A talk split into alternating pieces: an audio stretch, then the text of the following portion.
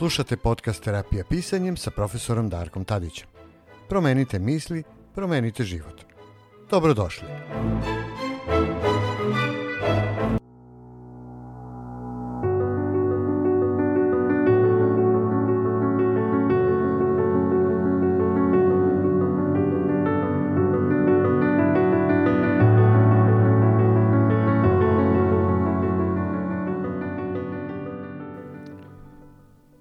Strah od samoće je čudesna stvar.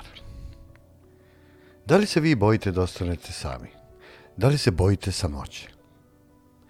Nedavno mi u radionici terapijskog pisanja moja polaznica Milena, dok je radila vežbu automatskog pisanja, otkrila nešto zanimljivo.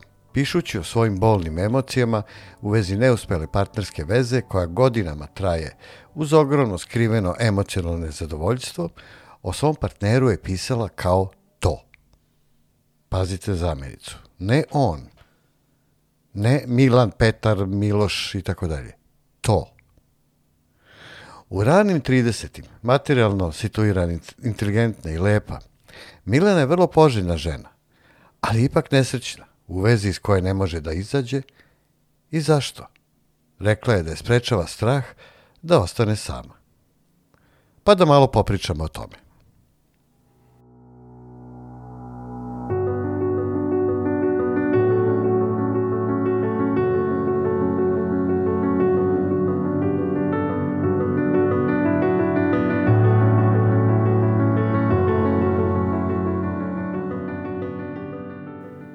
Mnogo puta sam čuo ovu rečenicu i od žena i od muškaraca, ali puno više od žena. Zašto se toliko ljudi boji da budu sami? U korenu ovog straha od samoće zapravo stoji strah od samonapuštanja. Ili kako se često kaže, separacije. Zamislite sebe kao malu bebu koju su ostavili samu. Užasna situacija, za ne? Kao malo dete, mi ne možemo da brinemo sami o sebi. Ne možemo da pribavimo hranu, vodu i ostalo. Ne možemo sami sebi da promenimo pelene. Ukoliko budemo ostavljeni sami, dovoljno dugo umrećemo. Kada porastemo, naravno, to nije ista situacija. Međutim, ako prepustimo partneru brigu o nama, ne uvek doslovno, ali svakako emotivno pre svega, osjećanje je isto kao kad smo napušteni kao dete. To može prouzrokovati strah od samoće, separacije, ostavljanja.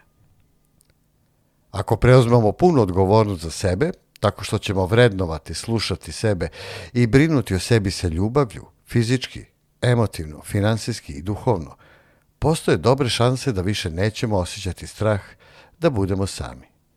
Terapijsko pisanje sa svojim vežbama u tome zaista može puno da nam pomogne.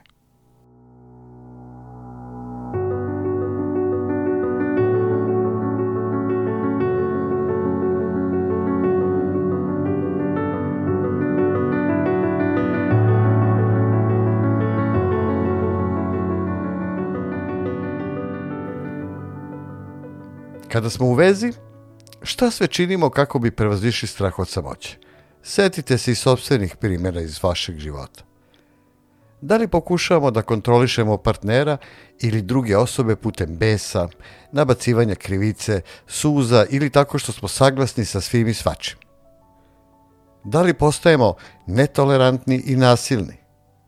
Ili se, kao što je najčešće slučaj, opuštamo ili upuštamo u racionalizaciju bez obzira na to i na kako je god loša situacija, što je uvek bolje nego da ostanemo sami. Sigurne kuće pune su primjera ovakve vrste. Istina je da je jedini trenutak kada smo zaista sami samo onda kada napustimo sami sebe. Ali to je jako teško da se shvati. Možemo da se osjećamo usamljeno kada želimo da delimo ljubav sa nekim drugim, ali trenutno ne postoji neko takav ili kad je taj drugi zatvoren za bliskost sa nama. Biti sam je činjenica života. I ona se događa bez obzira da li smo u partnerskoj vezi ili nismo. U stvari Milena je bila izuzetno usamljena u njenoj vezi, možda i više nego da je bila fizički sama, bez partnera. Sa Milenom sam ovo proradio u radionici terapijskog pisanja, gdje je kroz razne tehnike pisanja pronašla put do sebe i način kako da se nosi sa usamljenošću, kako da se poveže sa svojim unutrašnjom ljubavi, mudrošću i duhovnošću. Pa ipak, važno je znati da nikad nismo sami i kada naučimo da se povežemo sa svojim unutrašnjim bićem i duhovnim vodičem, znaćemo da nikada zaista, ali zaista nismo sami.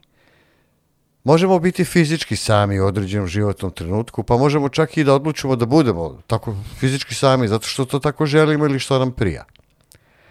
To je prava duboka unutrašnja povezanost koja uklanja strah od samoće i omogućava rast i razvoj nas kao ljudskih bića. Jer mi jesmo zapravo uvek sami sa sobom, čak kad smo i okruženi sa mnoštvom drugih ljudskih bića.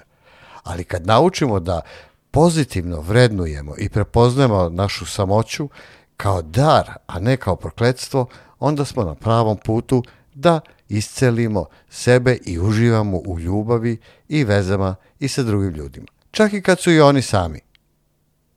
Probajte. Terapijsko pisanje, savršeni recept za lečenje usamljenosti.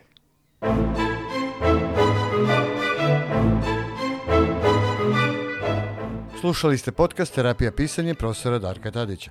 Pratite me i dalje na mom sajtu www.darkotadić.com i uživajte u terapiji pisanja. Do slušanja.